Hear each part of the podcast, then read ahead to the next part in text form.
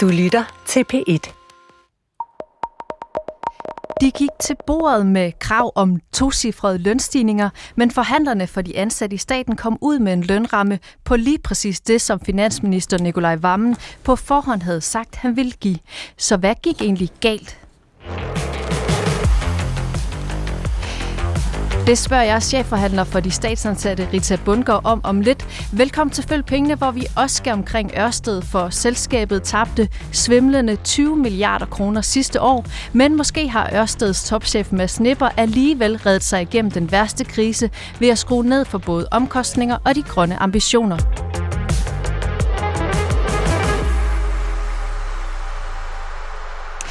Og Rita Bundgaard, nu øh, går jeg direkte i gang med at sige velkommen til Følg Pengene til dig. Tak skal du have. Du er jo øh, formand for HK Stat, men også formand for det her forhandlingsfællesskab CFU, så når du sætter dig til bordet for at forhandle, så repræsenterer du øh, stort set alle ansatte i staten.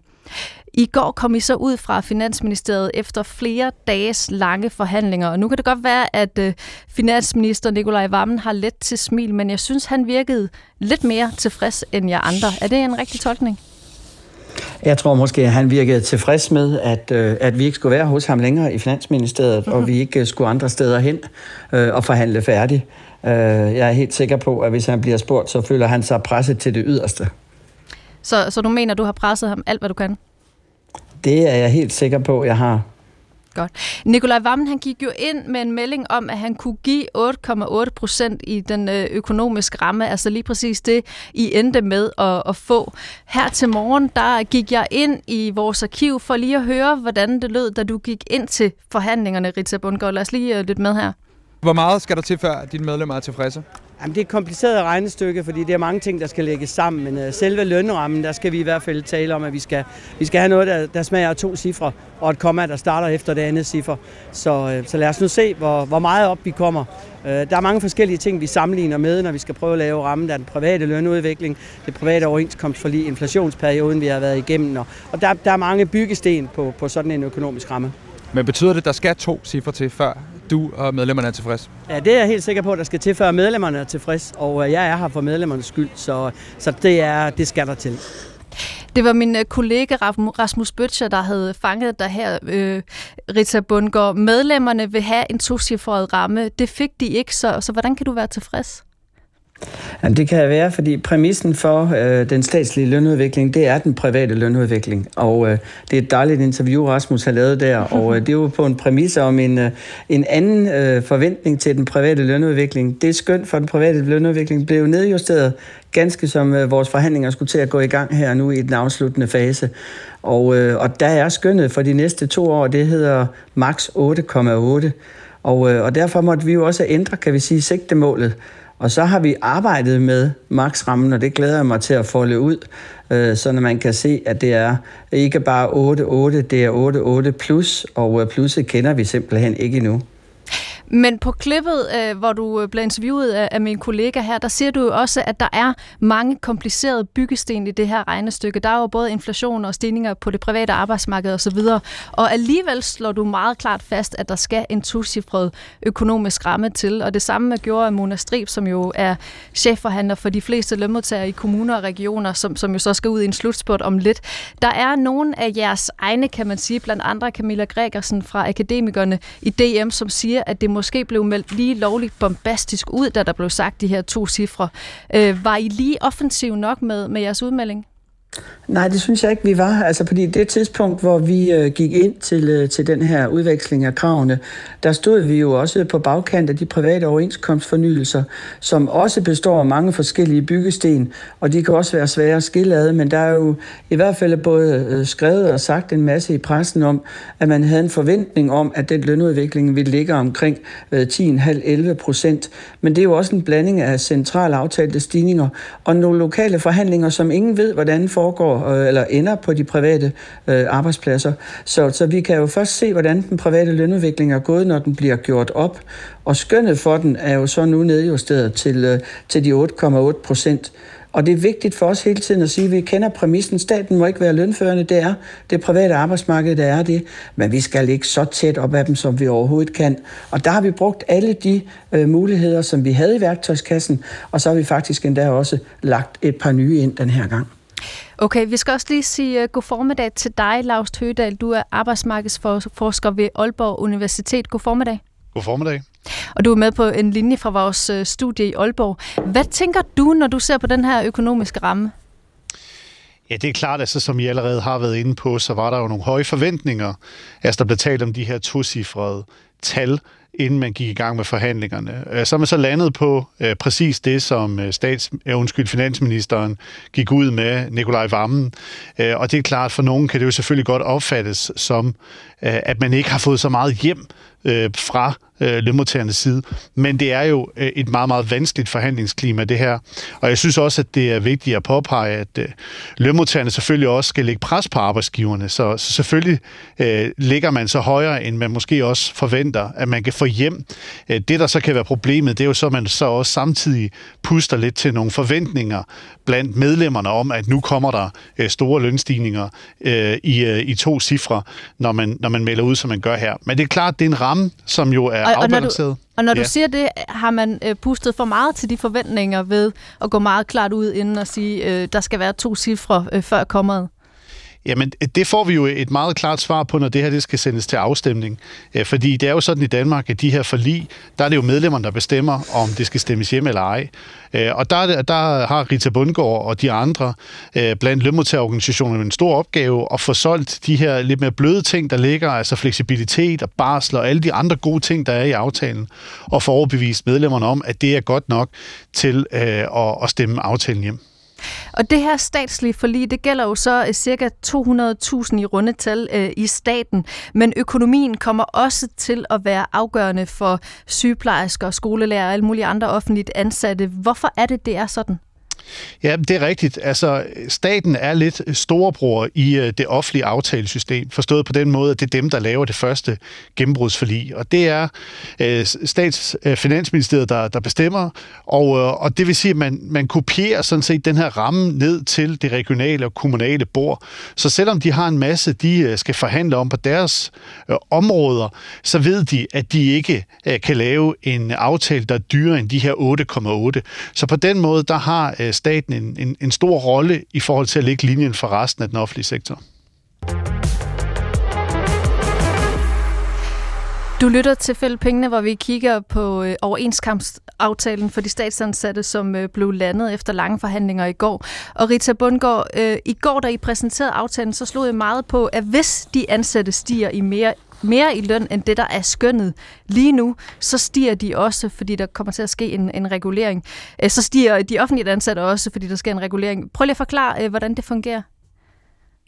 Jamen det er sådan, at når vi aftaler øh, en overenskomstfornyelse på statens område normalt, øh, så aftaler vi for hele perioden, øh, hvordan der skal ske en øh, udmyndning, hvornår skal man have de forskellige lønelementer og sådan noget.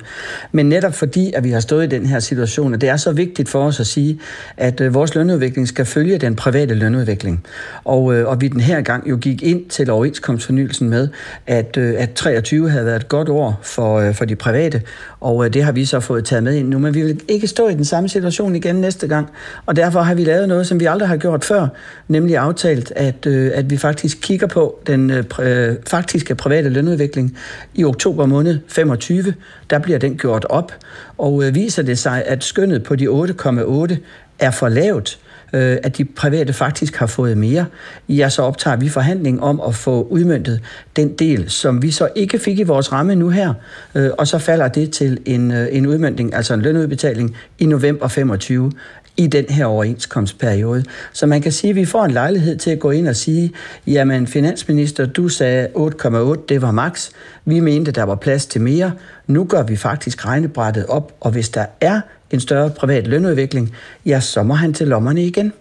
Så helt konkret, altså, så hvis vi nu siger, at man øh, på det private arbejdsmarked, når vi når til oktober 2025, hvis de så er steget, lad os sige 2 procentpoint mere end det, øh, som nu ligger som skønnet, hvad er det så for en garanti, I har for, at I så får en tilsvarende løn? så kommer vi til at optage en ny forhandling øh, med finansministeren til den tid, og øh, så er min forventning, at vi kommer til at regulere på samme måde, som vi normalt regulerer øh, lønningerne mellem det offentlige og det private arbejdsmarked, nemlig via den ordning, vi har, der hedder reguleringsordningen, som netop sikrer den her parallelitet, øh, og at vi altid ligger lige under øh, den private lønudvikling. Men, Men det må vi se, når vi når frem til 25. Det er jo en ordning, vi aldrig har prøvet før. Øh, vi har beskrevet den, øh, intentionerne med den, og øh, så må vi se, hvordan den folder sig ud til den tid. Man skal også lige huske at sige, øh, jeg tror på, at den private lønudvikling bliver mere. Øh, finansministeren synes allerede, at skønnet ligger højt. Han havde ikke noget ønske om at gå helt op til 8-8. Så, så det er jo også en, øh, det er jo også en aftale, der hedder en plus-minus. Fordi hvis han får ret, og det tror jeg ikke, han får, men får han ret, og de private får mindre end de 8,8, ja, så har vi jo også aftalt, hvordan vi håndterer det. Fordi jeg har jo makset hans ramme fuldstændig ud. Men bare lige så jeg forstår det, altså når I sidder der ved, ved bordet, og det blev så ikke dig, fordi øh, du går af, men der kommer til, til at være en anden for dig, efter dig, men, men når I sidder ved bordet der i oktober 2025, øh, øh, så er, er der en intention og en forventning om, at I kommer til at følge de privatansatte, men I har ikke nogen garanti for, at I, I følger, øh, hvad de får i løn. Vi har en øh, aftale om, at øh, vi går ind og kigger, vi gør simpelthen lønudviklingen op, og øh, at vi så øh, tager forhandlingen om, hvordan håndterer vi det, der er sket der. Og det er jo beskrevet, så der, der er ikke, det er ikke sådan, at vi starter helt forfra igen og tænker, om kan vi så få det halve, eller kan vi få det hele. Der er altså en aftale om, at vi gør den private lønudvikling op, fordi der er vi enige om, det er præmissen for, hvordan den statslige lønudvikling skal være. Så er den private lønudvikling rent fra den statslige lønudvikling, så bliver der en udmyndning på lønandelene øh, 1. november 2025. Det er derfor, vi blandt andet Men... også har lagt en lille stigning. Mm. Vi har lagt en lille stigning der i november 25 på 0,2 i lønstigninger. Og det er jo fordi, det kan gå begge veje. Så skulle det mod forventning vise sig, at det private lønudvikling slet ikke går, som, øh, som vi forventer det, ja, så har vi faktisk endda plads til at annullere den lille lønudvikling. Hvis vi er kommet foran, mm. det er jo det, der er præmissen. Så en garanti for en forhandling, men ikke sådan en klippefast garanti for, hvor meget I kommer til at, at stige i forhold til de private ansatte. Men det, vi, kan jo ikke, vi kan ikke skrive ind, hvor meget vi kommer til at stige, netop fordi, at det er øh, den private lønudvikling og udviklingen, der ligger til grund for det. Men, men aftalen er, at det er fuldstændig som, som når vi sætter os til forhandlingsbordet nu, der er aftalt en reguleringsordning, og det er reguleringsordningen, vi bruger som mekanisme. Så, så den bedste garanti, vi kan give, det er jo at sige, at vi skal til forhandlingsbordet, og der skal reguleres. Øh, vi ved bare ikke, om det er op eller ned. Vi har også besluttet, hvad er det for, og det bliver meget teknisk, men hvad er det for nogle kvartaler, lønudviklingen bliver gjort op på? Mm. Og det tal ligger til grund for det, øh, og så kommer der en udmyndning der. Men jeg kan jo ikke her sidde og sige, hverken om det bliver plus eller minus, eller hvor højt eller hvor lavt det bliver. Men, men det, er ikke, det er ikke fugle på taget. Det mm. er en reel aftale om, at der kigger vi på lønudviklingen, er den gået i vores retning, så kommer der en positiv udmyndning. Laust Høgedal, arbejdsmarkedsforsker ved Aalborg Universitet. Øh, I hvor høj grad er den her øh, regulering øh, en forsikring for lønmodtagerne om, at, at de så også kommer til at følge med de privatansatte? Jeg synes, det er meget spændende, at man har lavet den her model. Altså, det har været et princip øh, i den danske aftalemodel i 30 år, at der skal være en parallelitet imellem den private sektor og den offentlige sektor. Det er jo fordi, at vi har en privat sektor, som øh, gerne skal være lønførende. Det er dem, der eksporterer, og derfor er det vigtigt, det er dem, der svinger takstokken i forhold til løn. Men det er også vigtigt for os, at vi ikke får et, et offentligt arbejdsmarked, der udvikler sig som sådan et, øh, et sekunda arbejdsmarked, andenrands arbejdsmarked. Så jeg synes, det er meget spændende. Det, man skal huske på jo, det er ved sådan en, en ekstra forhandling, man lægger ind her, der ligger der jo ikke en konfliktret man kan trække på. Altså det er sådan en periodeforhandling, der ligger ind i forløbet, hvor fredspligten gælder. Så Rita Bundgaard og, og lønmodtagerne kan jo ikke gå ud og tro med en konflikt ved den her forhandling. Men jeg synes, det er meget spændende, at man prøver at justere på den måde, som man hele tiden forsøger at ramme det private øh, lønniveau for at sikre øh, den bedst mulige parallelitet imellem de to sektorer.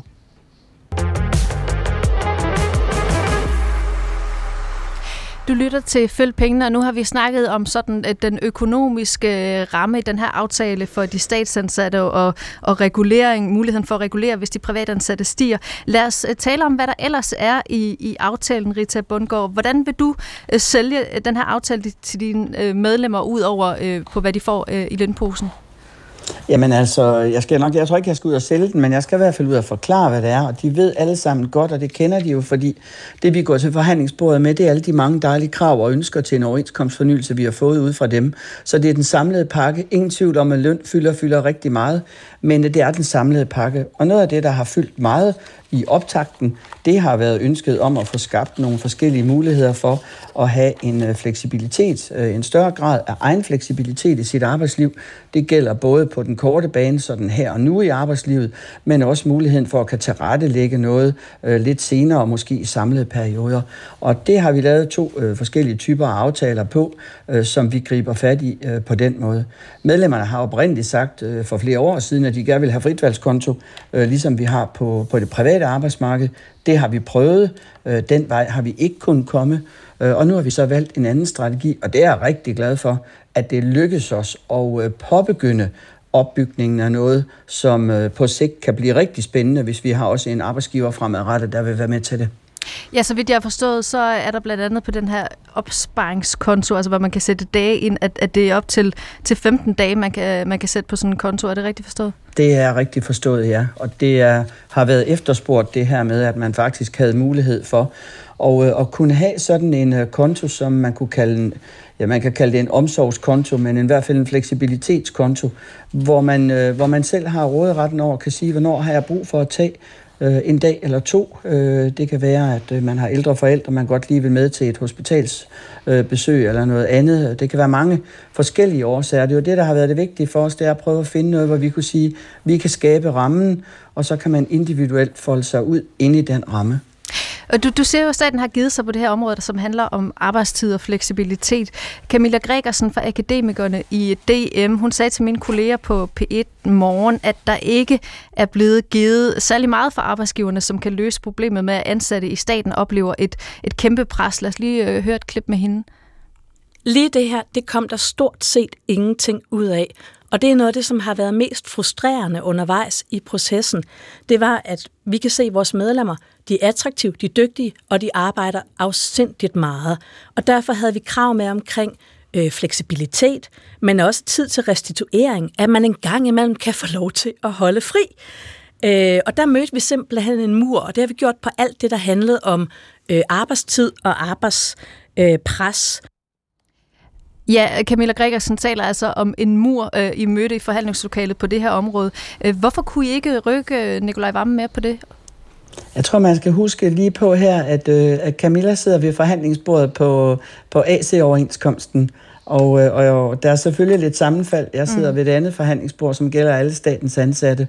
Og, øh, og øh, akademikerne har haft nogle ønsker, som har ligget på deres eget bord. Det må Camilla udtale sig om. Men når vi taler fleksibilitet på den store CFU-aftale, så har vi talt om de her fleksibilitetsmodeller, som både betyder, at hvis man havde øh, pensionsopsparinger, øh, som er i de høje procentantal, så ønskede, man at få, ønskede vi at få etableret en, en, en konto, hvor man kan samle sammen der og bruge netop til restitution, som Camilla nævner, øh, når man er imellem jobs og andet. Den ordning er også etableret. Den anden ordning, som jeg øh, taler om, og som jeg glæder mig meget til, at, at vi får, får vist mere frem, ja, det er ordningen om netop at kunne sikre, at du faktisk, udover at du måske i dag har nogle regler omkring, hvordan du kan bruge din 6. ferie friuge, så har vi skabt en ny model også for, hvordan du endda kan samle mere øh, af den tid sammen. Vi bliver jo hele tiden mødt med, og det skal vi huske, at, øh, at regeringen er god til at sige, at vi må ikke lave noget som helst, der forringer arbejdskraftudbuddet. Øh, mm. Så vi har jo ikke, den har vi også skulle spille med, den, øh, den marker. Men det vi har fået gjort her, det er altså en mulighed for at samle noget af det, man allerede i dag, kan man sige, har som frihed eller som lønelementer, ned i en ny ordning. Så vi har givet nogle fleksibilitetsmodeller på noget af det, der er, så der er en yderligere mulighed for at tilrettelægge det til eget arbejdsliv. Og det er, som jeg siger, alt begyndelse er svært. Mm. Men nu har vi i hvert fald etableret modellen, og på sigt kan det blive øh, til meget mere, hvis vi kan blive enige med arbejdsgiverne. Men den er faktisk god allerede her fra starten af. Ja, fordi øh, det er jo, som du siger, Rita Bundgaard, en kæmpe dagsorden også på det øvrige offentlige arbejdsmarked, at man har brug for, at de ansatte øh, arbejder mere. Lars Tøgedal, er det derfor, at, at det er øh, ret svært at, at komme igennem med krav om sådan noget som, som afspacering, altså noget, der vil gøre, at, at øh, de ansatte skulle bruge øh, mindre tid på arbejde? Ja, det er det. Jeg tror næsten hellere, at arbejdsgiverne vil give noget mere løn, end de vil give noget mere betalt frihed. Øh, simpelthen på grund af, af det her med arbejdsudbuddet, og der er arbejdskraftsmangel rigtig mange steder. Så det er noget, de ikke er glade for. Øh, altså fleksibilitet, der kan gå ud over arbejdsudbuddet, det er noget, som arbejdsgiverne allerhelst vil undgå, særligt i en tid lige nu, hvor, hvor der er meget pres på, øh, på vores arbejdsmarked, og der mangler øh, hænder og hoveder rigtig mange steder. Øh, Rita Bundgaard, den, den, her, øh, den her aftale kommer jo efter trepartsaftalen om de ekstraordinære lønmidler øh, for 6,8 milliarder, hvor det så på jeres område er, de, er fængselsbetjentene, der har udsigt til lidt mere i lønposen, og der har været nogle andre grupper, som, som var ret utilfredse med, at der det hele taget blev indgået den her øh, trepartsaftale. Føler du dig tryg ved øh, med den aftale, der nu ligger, og de lønstigninger, der er, at, at du får et, et ja Ja, det gør jeg. Altså, der er ingen tvivl om, at øh, det har været meget uheldigt for os, at, øh, at den trepartsaftale lå så tæt på overenskomstfornyelsen, fordi dermed bliver de to ting også koblet til hinanden. De er hver sin egen aftale, og øh, aftalen om trepart øh, er jo en aftale, som regeringen også øh, tog initiativ til at få etableret, og til at adressere øh, nogle helt specifikke øh, udfordringer, som regeringen jo satte meget tydeligt op. Det blev sagt tydeligt fra starten, hvor mange penge er der, øh, hvilke formål skal de løse, og hvilke grupper skal have pengene. Og øh, det blev der talt meget om dengang, at der var heller ikke til at rokke på, øh, hvordan det skulle flyttes. Mm. Og at staten var i princippet ikke en del af trepartaftalen.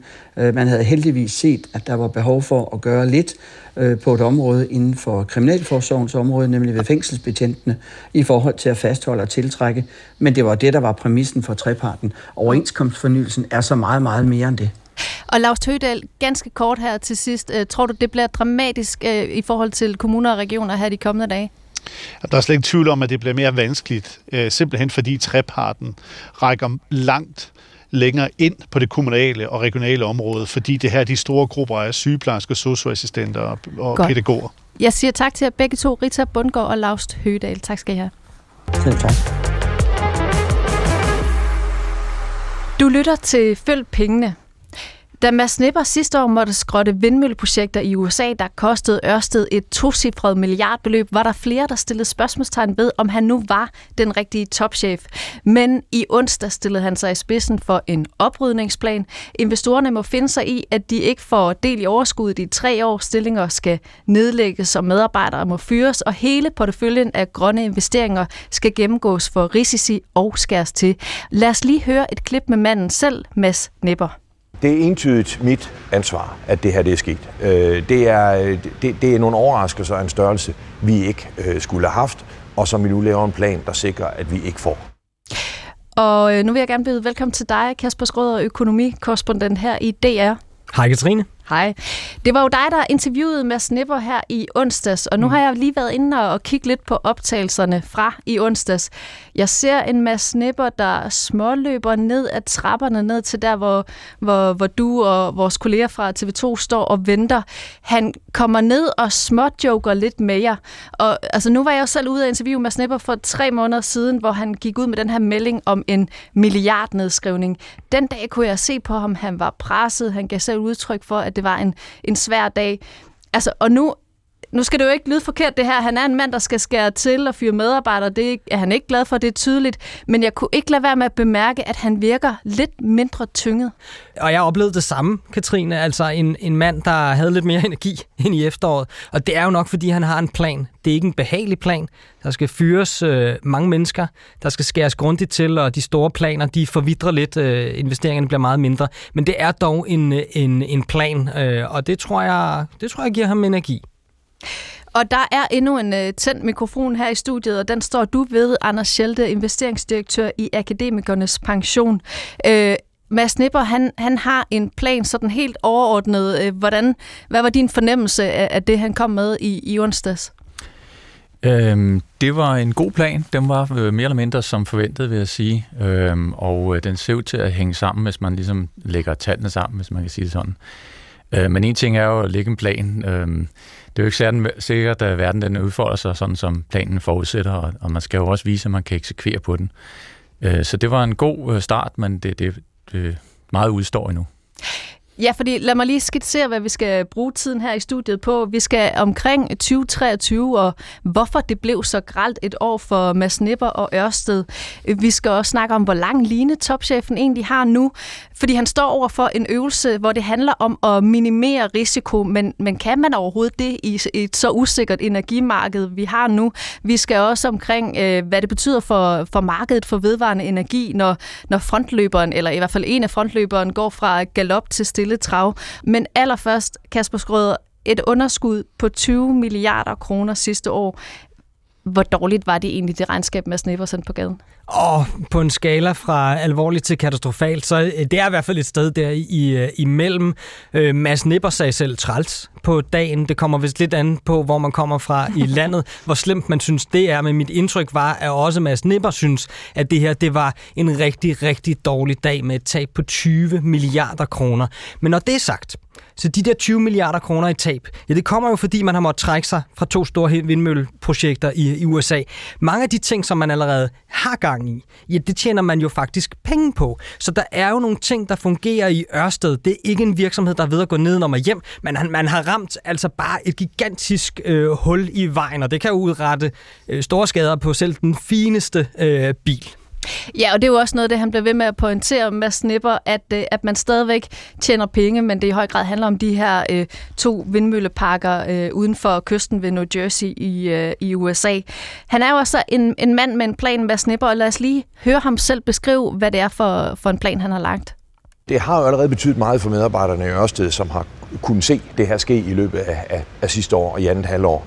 Øh, og nu betyder det helt konkret, at vi også melder ud, at vi reducerer antallet af stillinger i Ørsted over din, øh, i løbet af 2024 med 600-800 øh, kolleger. På sammenlignelig basis, der skal vi spare øh, en milliard kroner i 2026 i forhold til 2023. Så det er, det er ganske mange penge, og det er en meget væsentlig del af den plan, vi, vi, vi også har lagt frem i dag, som skal sikre vores konkurrencedygtighed. Kan du sætte lidt bredere over på, hvad det er, der, hvad det er for nogle håndtag, du trækker i? Det er, det, det er en plan, hvor vi, hvor vi reducerer den planlagte udbygning frem mod 2030 med, øh, med, med, med godt en fjerdedel.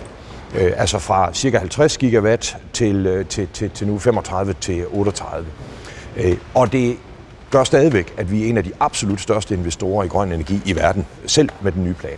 Øh, vi vil styre vores risici meget bedre ved at kigge på den måde, vi, eller ved at ændre på den måde, vi, vi, øh, vi, vi, vi opfører og styrer vores projekter. Vi vil spare omkostninger. Vi øh, har besluttet at, at, at lave en pause i udbyttebetalingerne på, øh, på tre år. Og så har vi også accelereret et frasalgsprogram, hvor vi øh, som altid sælger øh, halvdelen af vores aktiver. Det gør vi lidt hurtigere, og på enkelte ting sælger vi lidt mere. Så Mads Nipper, han skal altså øh, spare penge, han skal reducere de faste omkostninger med en milliard, øh, når man ser på fra 23 til, til 26, og det kommer jo til at gå ud over medarbejderne, der skal nedlægges op mod 800 stillinger globalt, og i den nærmeste tid, så er der altså nogle medarbejdere, der skal ud i en ubehagelig samtale. Man regner med cirka 250 ansatte, der, øh, der skal afsides, afskedes i de kommende måneder. Anders Schelte, investeringsdirektør i Akademikernes Pension. Hvad er det for en øvelse, han står overfor? Jamen, han skal bringe øh, Ørsted tilbage på fodet, og øh, det kræver kapital. Altså især når han har så ambitiøse planer, nu siger han, at de er reduceret med godt en fjerdedel. Jeg vil nok sige, at det, det nærmer sig en tredjedel. Øh, så det er jo en ganske stor øh, reduktion, men det er stadig mange penge, de skal bruge. 270 milliarder skal de investere i udbygningen af grøn energi i de kommende år. Og den plan, den skal jo hænge sammen, og det, det, til det skal man jo hente penge, øh, for de penge er jo ikke nogen, der har liggende i kassen, når man så må sige. Dem skal man ud og låne undervejs. Og Anders Schelte, I har investeret øh, en del af jeres medlemmers penge i øh, Ørsted. Øh, det svinger jo sådan lidt op og ned, men, men sådan ungefær for, for 330 millioner kroner, tror jeg, I har i, i Ørsted. Øh, I har jo øh, på linje med andre investorer kritiseret øh, Mads Nipper det seneste års tid. Øh, hvor meget tror du på den her plan? Og det vi har kritiseret, det er, at vi synes, at øh, kommunikationen har været dårlig, og det tror jeg ikke er en kritik. Det må jeg nok sige, det tror jeg rigtig mange mener, den har været. Den tror, står vi ikke alene med. At det er jo selvfølgelig problematisk, at man lægger en stor øh, plan frem i juni måned, hvor man skal investere altså så en tredjedel mere end det, man siger nu her, eller faktisk en 50 procent mere end det, vi er inde på nu. Øhm, og det er så, øhm, og så kommer man i august, og så, øh, så, så viser sig det et helt, helt andet billede. Øh, og, det, og, og det udvikler sig hen over efteråret, og aktien bliver så skåret ned til, øh, til ingenting efterhånden. Øh, det synes vi selv er dybt problematisk, den øh, dårlige kommunikation, der har været der.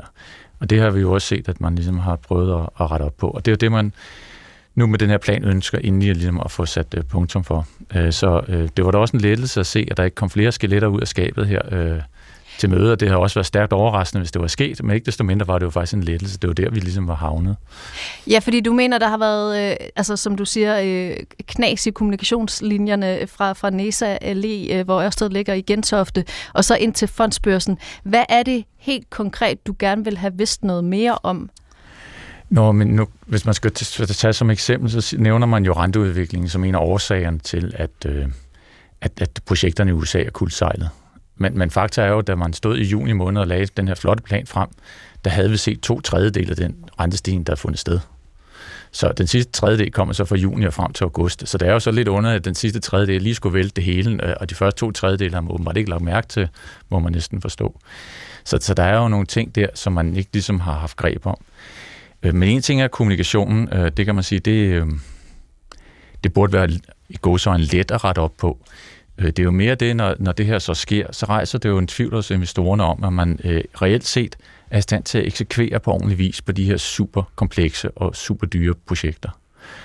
Og det var også øh, det, som Nipper talte til her øh, øh, den anden dag, at, øh, at det her med at kigge alle processer igennem og styrke processerne, og ligesom lagt nogle ekstra lag af sikkerhed ind for at se, at, øh, at man ikke havner i den situation igen. Og det igen, det er jo rigtig godt, øh, men vi mangler stadig at se det udfolde sig de kommende år efterhånden, så man begynder at eksekvere planen. Ja, og hele den der proces i forhold til, hvad det er, man skal i gang med i forhold til porteføljen, det, det vender vi tilbage til senere i programmet. Øh, Kasper, du... Ja, men altså det, hele, det, altså det der skete i, i foråret sidste år, og jeg ved ikke, om du selv var der, Anders, eller I havde folk, der en Ørsted holder stor kapitalmarkedsdag på en af Londons dyreste adresser. Det er sådan en begivenhed, hvor man skal sælge sig selv til investorerne og, og slå sig på brystet og vise, hvor mange penge man nu vil tjene i fremtiden, øh, uden at prale øh, eller love noget, man ikke kan holde, fordi det kan aktiemarkedet ikke lide.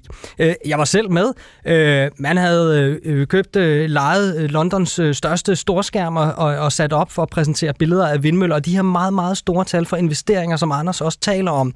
Man sagde, vi vil investere for 475 milliarder kroner i grøn energi frem mod 2030. Øh, og alle analytikerne og investorerne sad og tænkte, nå okay, det var da godt nok. Altså, fordi alle gik jo med den der tanke allerede, skal vi være bekymrede over, at renterne pludselig er blevet meget høje og ser ud til ikke at falde lige med det samme. Øh, der blev spurgt til Mads Nipper, hvad betyder det her for i brug for nye penge? Og der blev sagt, nej, det synes vi egentlig ikke. Og man præsenterede den her store plan, og det er klart, at når der så sker sådan noget, at man så øh, ret få måneder bagefter begynder at snakke en om, okay, bagefter. en sommerferie bagefter, siger, der er måske lidt problemer, ikke? så bliver Anders og alle de andre sådan en lille bitte smule i tvivl om, at kan de stole på det her? Og det er jo også derfor, at tænker jeg, Anders, at du står og siger nu, øh, jamen så langt så godt, der er en plan. Nu må vi så se, om han kan, kan levere på den, fordi der er jo lige sådan en lille grundtvivl øh, til den der, den der virksomhed, den ledelse lige nu.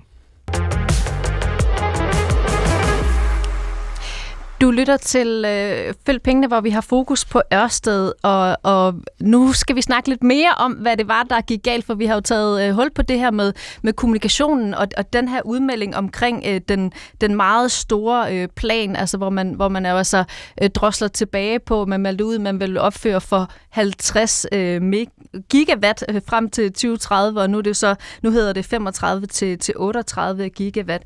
Øh, der har jo været noget udskiftning i ledelsen. Både finansdirektøren og driftsdirektøren stoppede i øh, november, og i går meddelte, undskyld, i onsdags meddelte øh, Ørsted, at bestyrelsesformand Thomas Thune Andersen, som jo altså har været formand i 10 år, går af.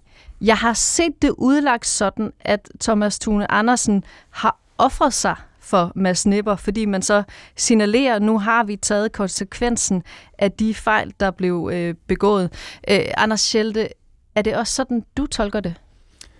Det bliver meget spekulativt, øh, så jeg tror, vi alle sammen er ude i det, at gætte lidt her. Øh, men sådan kunne man måske godt se det. Øh, man kunne også se det, som nogen udlægger det, som at, at han har været der i 10 år, og han skal jo trods alt, eller han bør øh, stoppe i hvert fald før 12 år. Det er ligesom øh, velset, at man gør det, at man ikke sidder mere end 12 år. Så måske var det et meget godt tidspunkt. Øh, jeg tror, vi skal passe på med at fortolke for meget på det, og bare forholde os til at kigge fremad.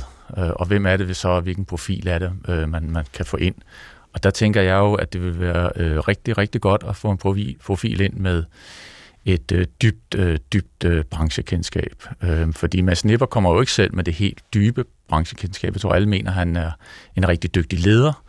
Øh, men man skal jo også øh, forstå branchen, og det kan jo være en dygtig ny bestyrelsesformand kan spille ham bedre der. Og nu skal jeg jo sige, øh, bare for at være helt øh, ærlig, at vi optager jo her fredag, så, så vi ved ikke, når det her øh, program bliver sendt øh, mandag formiddag, om vi så er klogere på, hvem der bliver, øh, hvem der bliver formand. Men Anders Schelte, du står her som investor.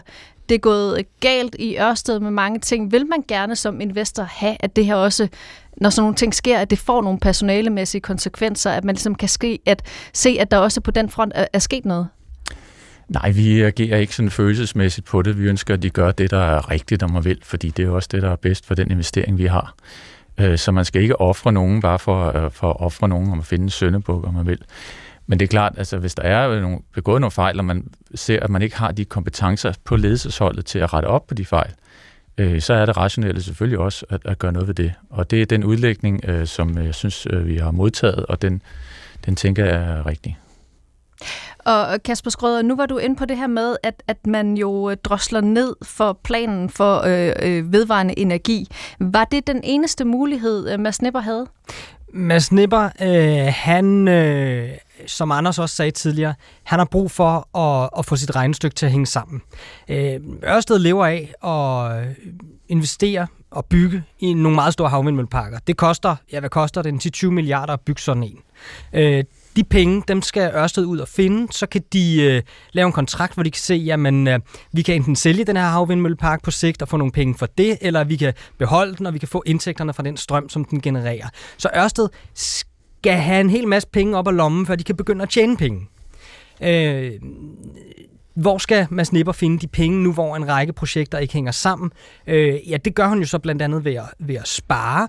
Han gør ved at skrue ned for de planer om, hvor mange penge han skal bruge i fremtiden. Og det han ikke gør, og det var næsten mindst lige så vigtigt øh, i de, øh, de beskeder, vi fik i forbindelse med årsregnskabet, det han ikke gør, det er, at han ikke tager hatten af og går ud af døren med den i hånden, blandt andet til Finansministeriet og de øvrige investorer, for at spørge om ikke de vil købe nogle flere aktier, altså skyde penge, kapital ind i Ørsted, en kapital øh, øh, øh, kapitaltilskud, indskud i, øh, i virksomheden. Det bad han ikke om, men konsekvensen af det er jo også, at han bliver nødt til at dæmpe sine forventninger til, hvor mange penge han skal bruge de kommende år. Så det er jo et stort, men noget mindre Ørsted frem mod 2030, som han præsenterede.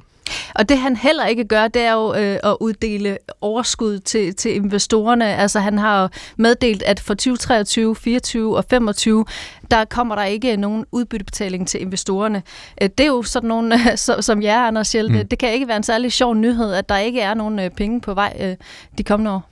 Nej, det var en dårlig nyhed, men det er en, vi har fordøjet for længe siden. Det lå i kortene, at der ikke skulle være nogen dividende, og det så blev de næste tre år. Det var måske lige et år mere, end man måske havde regnet med. Øh, så, så det var egentlig ikke så bange for. Og, men han gør så øvrigt også den, den anden ting, som måske er lidt, øh, lidt underrapporteret. Øh, han siger, at han vil accelerere for frasalget af vindmølleparker. Det er jo en anden måde at skaffe penge ind igen. Så hvis Ørsted er rigtig gode til at bygge vindmølleparker, så giver det jo super god mening, at man får bygget dem.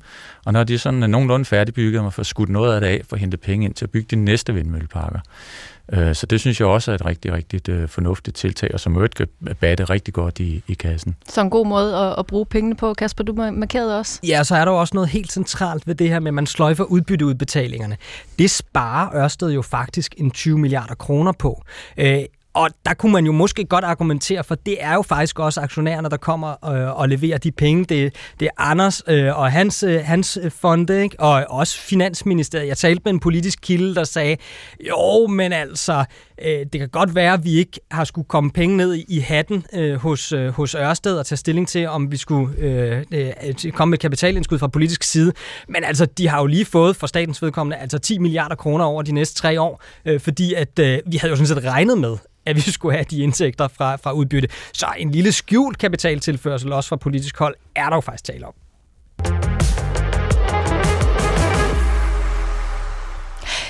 Du lytter til Følg Penge, og jeg står øh, her i studiet sammen med jer to, Anders Schelte, investeringsdirektør i Akademikernes Pension, og Kasper Skrøder, økonomikorrespondent her i DR. Øh, Mads Nippers store plan handler om at blive bedre til at gardere sig mod de farer, der lurer for ude. Og, og spørgsmålet er jo så, om han kan det. Øh, Kasper, han skal til at se på verdenskortet over fremtidige vindmølleprojekter, og meldingen er nu, at øh, han kommer til at se på en række forskellige parametre. Øh, hvad kan der komme af uforudsete hændelser? Hvordan kan man føre et tilsyn med leverandørerne? Kan man lave en form for inflationsbeskyttelse, så man ikke lider lige så stort tab, hvis, mm. hvis priserne stiger? Og er der noget fleksibilitet i forhold til projektplanlægning? Det er nogle af de ting, han skal kigge på. Det lyder som en ret omfattende proces. Det lyder som en ret god idé, ikke? Jo. Man kunne godt stå og være lidt bagklog her og sige, det skulle man måske have gjort øh, fra starten af, mm-hmm. men sådan er det jo at stå her ved de her mikrofoner. Man kan sagtens være bagklog. Det er nok meget klogt at få styr på det der med, at man er sikker på, at hvis inflationen stiger, at man så er garderet ordentligt mod det, eller at man kan øh, få noget erstatning fra nogle leverandører, hvis ikke deres skib, med, der skal stille havvindmøller op, kommer til tiden, og sådan noget. Øh, men det er jo en omfattende procedure, og man skal sige farvel til rigtig mange mennesker i Ørsted, men en af de steder, hvor jeg tror, der kommer til at være flere mennesker de kommende år, det er i en sådan en risikoafdeling, der skal kigge på det her. Det er jo en stor ting, øh, og tit en frygtelig kedelig ting øh, i store virksomheder. Det er ikke nogle mennesker, som folk specielt godt kan lide, fordi at det er dem, der sidder over i hjørnet og hele tiden siger, ah, men hvad nu hvis? Øh, og det er jo ikke særlig sjovt, når man bare gerne vil sælge sine varer i hele verden, men det er også en ret vigtig funktion, og det er det, som den her situation illustrerer, og der har Ørsted simpelthen bare været for, for svage. Og spørgsmålet er så, hvor meget usikkerhed der stadigvæk er i den her portefølje, fordi det er ikke så lang tid øh, siden, at Ørsted meldte ud, at øh, på trods af, at man har skrottet de her projekter i USA, så holder man fast i det havvindmølleprojekt, der hedder Hornsea 3. Det er øh, en havvindmøllepark, der ligger et godt stykke ude for den øh, britiske kyst ved Norfolk og skal forsyne 3,3 millioner britiske husstande med strøm. Det er altså et kæmpe projekt, som øh, kræver investeringer for 70 milliarder kroner. Men den samlede økonomi økonomi i det her projekt for Ørsted afhænger af, at man kan få en bedre pris for strømmen i den sidste del af projektet, som ikke har været i udbud endnu. Øh, og jeg spurgte Jakob Petersen, aktieanalysechef i Sydbank, om der er risiko for, at det går ligesom med de her kuldsejlede projekter i USA. Jeg tror, en, en meget vigtig pointe her, det er, at Ørsted har lært utrolig meget af det, der er foregået i USA. Og, og hvis man kigger til, hvad det er, der er nedskrevet i USA, så er det i særdeleshed et projekt, der løber med en meget høj andel af nedskrivningerne, nemlig Ocean Wind 1.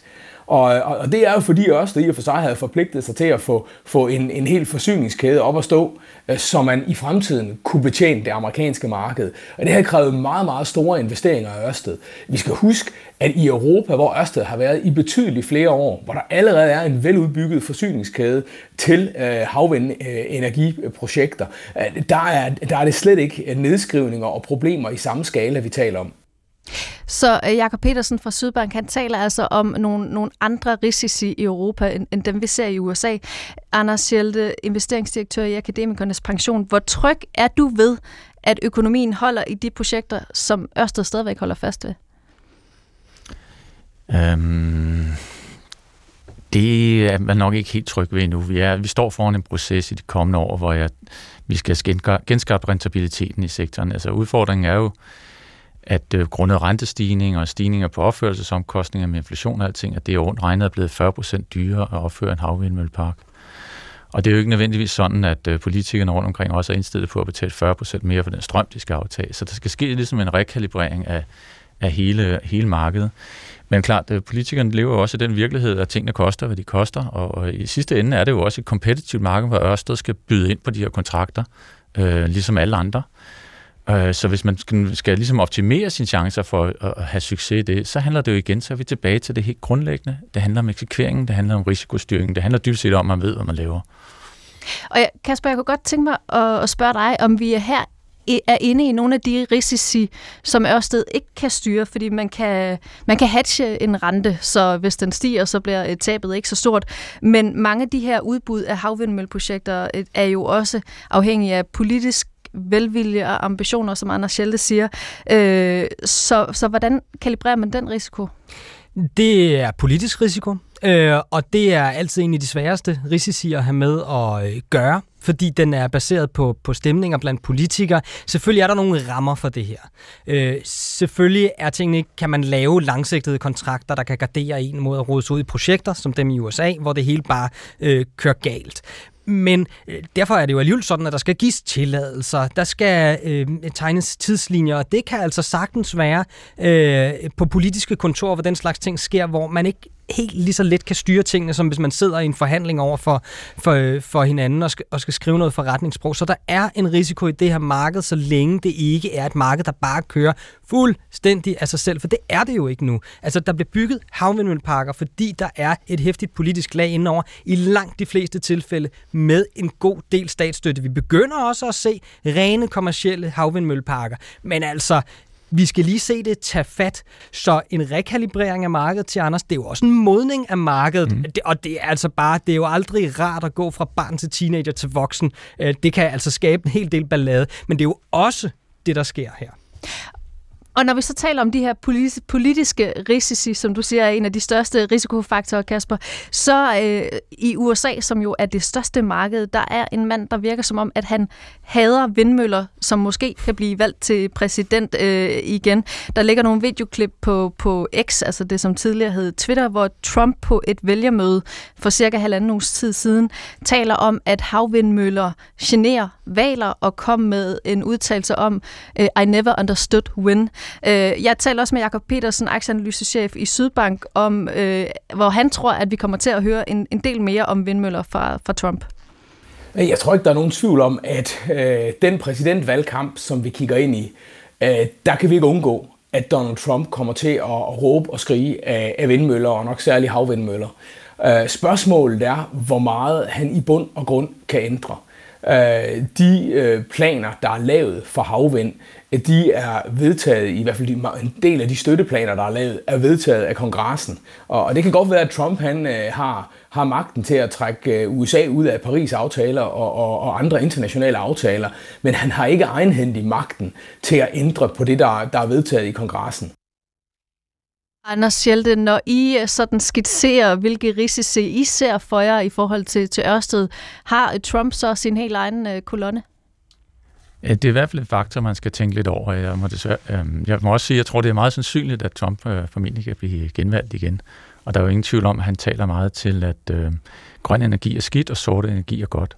Men jeg tror, det er meget rigtigt, som Jakob siger, at hans handlemuligheder er altså også bokset ret godt ind, og dertil tror jeg også, man skal lægge at øh, den grønne industri med, med de støtteordninger, der nu er vedtaget allerede, kommer til at skabe utrolig mange jobs i USA. Altså lokalt i USA. Det er jo det, der, det, der er formålet med hele den øh, lovgivning, der er kørt igennem. Så det, og det er jo altså jobs i sektorer, hvor mange af hans vælgere jo netop øh, er beskæftiget. Så jeg tror, det bliver lidt svært for ham at rulle det tilbage, hvis jeg skal være ærlig.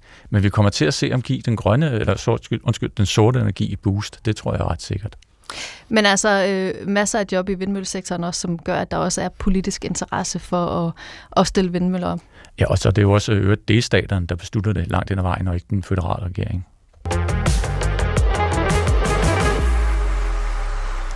Du lytter til Følg Pengene, og nu skal vi lige runde markedet for vedvarende energi, fordi det er altså otte måneder siden, at Mads Nipper slog ud med armene og meddelt, at øh, Ørsted ville opføre for 50 gigawatt vedvarende energi i 2030. Nu skruer man altså ned øh, til cirka de her 35-38 gigawatt. Og planen er jo at skrue ned for flere forskellige energityper, og for at få en fornemmelse af, hvor meget Ørsted skruer ned, så har vi bedt Lena Kitsing, som er lektor ved Institut for Vind- og Energisystemer ved DTU, om at komme med sit bud på, hvor meget det svarer til i havvind. Prøv lige de, lidt med. De vil skære ned med 13-15 gigawatt. Og lige nu, når vi så kigger øh, ud øh, i de øh, nuværende havvindprojekter, øh, som bliver bygget, så ligger de sådan omkring 1 gigawatt størrelsen. Så måske en lille smule mere. Så det vil svare til cirka 10-12 offshore vindparker, som vi så snakker om. Betyder det så, mm. at der bliver opført færre havvindmøller verden over, eller mm. er der ligesom andre, der kommer til at byde ind på det her marked og tage over? Når man kigger på det globale havvindsmarked, så er øh, Ørsted den største aktør, det kan man sige, øh, i øh, øh, tidligere byggede parker, også i vundet øh, udbud.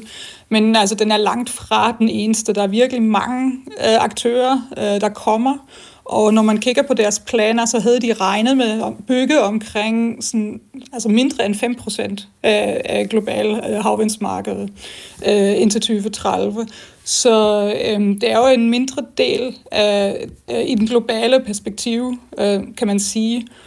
Og øh, det er også sådan, at udbygningen selv er meget drivet af øh, politiske målsætninger og også den støtte, som, øh, som kommer fra, øh, fra landene. Så det er øh, udbud, som, som landene øh, foretager sig, som driver udviklingen og udbygningen af havvind. Så det er, det er ikke øh, markedsdrivet øh, ud, øh, udbygning, som vi ser lige nu øh, på havvindssiden. Øh, så det betyder, at hvis der er en aktør øh, mindre, der byder ind øh, på nogle af projekterne, så vil det ikke være ensbetydende med, at der bliver øh, færre megawatt eller færre gigawatt bygget øh, globalt. Det betyder, at der vil være nogle andre, der tager over øh, markedsandelen. Og det var øh, Louise Ravndal, som er medtilrettelægger her på programmet, der havde talt med Lena Kitsing fra øh, DTU. Øh, Anders Schelte, Akademikernes Pension hun virker ikke så bekymret, i hvert fald på den korte bane, for at der nok skal være øh, andre, øh, som, som træder ind i Ørsted, øh, i stedet for Ørsted på, på nogle af de havvindmølleprojekter, som man så ikke vælger at gå ind øh, i fra Ørsteds side. Hvordan, når I kigger på, hvad, hvordan I er investeret i, ved, i vedvarende energi, hvordan ser I så det her marked nu? Jamen, øh, det er et udfordret marked, kan man sige. Øh, øh, det har været igennem noget, der ligner den perfekte storm. Øh, det er kapitalkrævende, og det er dyrt at låne penge til det nu. Meget dyrere, end det var før. Inflationen har gjort det meget dyrere at opføre, som vi er inde på før. Og det er jo, det er jo, øh, det sætter øh, profitabiliteten i branchen virkelig, virkelig under pres. Samtidig så må man også bare være lidt håbefuld og sige, at det lægger måske også kimen til en lidt sundere branche øh, på sigt, når vi ligesom har fået rekapitaliseret, ting, rekapitaliseret tingene, og det bliver på nogle nye øh, prisniveauer. Øh, men der er vi ikke helt nu, det er en rejse derhen. Jeg synes måske, der er en anden bekymring, man også skal have, og den er sådan mere konkret og helt sådan fysisk. Altså har vi kapaciteten til det? Mm. Fordi det er så enorm udbygning, der skal ske. Er der en installationsskibe nok? Øh, det er nok måske i virkeligheden øh, den der fysiske begrænsning, der er den øh, mere væsentlige næsten. Og Kasper Skrøder, du står og, og, og nikker. Øh, er, er det også noget af det, du ser som, som problemet for, for markedet lige nu? Ja, for man kan jo godt dele den vurdering, at øh, med lodder og trisser, så skal der nok være nogen, der melder ind på de her udbud og skal bygge de her øh, vindmøller. Men øh, hvad med alle de øh, investeringer? Fordi det er jo som om, at, at penge avler flere penge. Øh, og når først man ser et investeringsboom i en branche, så tiltrækker det flere penge. Noget af det, som Ørsted også bruger relativt mange penge på lige nu, det er jo for eksempel at udvikle det her, vi kalder Power to X, som er ret centralt for at gennemføre den grønne omstilling på sigt, hvor man ikke sådan helt har teknologierne på plads i øh, tilstrækkelig skala øh, til faktisk at kunne, kunne på lang sigt indfri nogle af de mål, vi har omkring øh, vedvarende energi. Øh, det er jo Ørsted, der er en af de rigtig store investorer i verden på det her område, og det er jo også noget, der lider, når Ørsted lige pludselig ikke rigtig længere kan tjene så mange penge på at stille havvindmølleparker op, som de har gjort før. Så bundlinjen er nok et sted mellem det betyder ikke noget for den grønne omstilling, og det er egentlig et rigtig dårligt tegn for den grønne omstilling, det her. Du lytter til Følg Pengene, hvor vi i dag har fokus på Ørsted, og nu øh, lakker det mod enden. Jeg har her i studiet selskab af økonomikorrespondent her i DR, Kasper Srød og Anders Schelte, investeringsdirektør i Akademikernes Pension, som jo altså har en del af medlemmernes millioner investeret i Ørsted. Og Anders Schelte, Mads Nipper har en øh, plan nu. Jeg kan forstå, at du er glad for den plan. Men hvor meget plads er der til, at tingene ikke går som forventet, og, og nye kontrameldinger? Øhm, der er jo en ting, som har sat Ørsted under pres især, og det er det udefrakommende. Altså faktorerne med en stigende inflation og højere renter osv., og det er Ørsted jo selvfølgelig ikke herover. Og får vi endnu et, sådan et chok, øh, så tror jeg, det vil være en vis øh, tilgivelse, hvis man kan sige det sådan. Men øh, står vinden stille på cykelstien, eller er ligefrem medvind for nogle af de her faktorer, ja, så er der jo ikke nogen undskyldning for ikke at lykkes med planen, kan man sige. Øh, så, så det er jo det, øh, vi, vil, vi vil kigge efter. Og Kasper Skrøder, vi snakkede om, øh, at Mads Nipper virkede lidt lettet øh, i onsdags i forbindelse med regnskabet. Nu har han en plan, øh, men hvad er de meldinger, du hører rundt omkring? Er han stadigvæk øh, lidt på prøve, Mads Nipper? Jamen, han er jo på mange måder last man standing, ikke? Du nævnte selv i starten af udsendelsen, Katrine, at øh, en driftsdirektør og en økonomidirektør, altså nummer to og tre i virksomheden, de er blevet fyret. formanden går nu af. Øh, så hvem er der egentlig tilbage i Ørsteds øverste ledelse til at bare have en smule forstand på den forretning, der er tale om her, hvis også Mads Nipper han bliver, bliver fyret. Så på mange måder, øh, så, øh, så er en masse Nipper nok, og man skal passe på med at spå om fremtiden, men fredet i hvert fald et lille stykke ud i fremtiden, øh, og noget skal gå galt med den plan, før han bliver, bliver sparket ud. Det er i hvert fald min umiddelbare analyse, men vi må, vi må se. Ja, vi kommer til at se, hvad der kommer til at ske i fremtiden, både for Mads Nipper og Ørsted. I skal i hvert fald have tak, fordi I var med her. I følge pengene, Kasper Schrøder, økonomikorrespondent i DR, og Anders Schelte, investeringsdirektør i Akademikernes Pension. Gå på opdagelse i alle DR's podcast og radioprogrammer. I appen DR Lyd.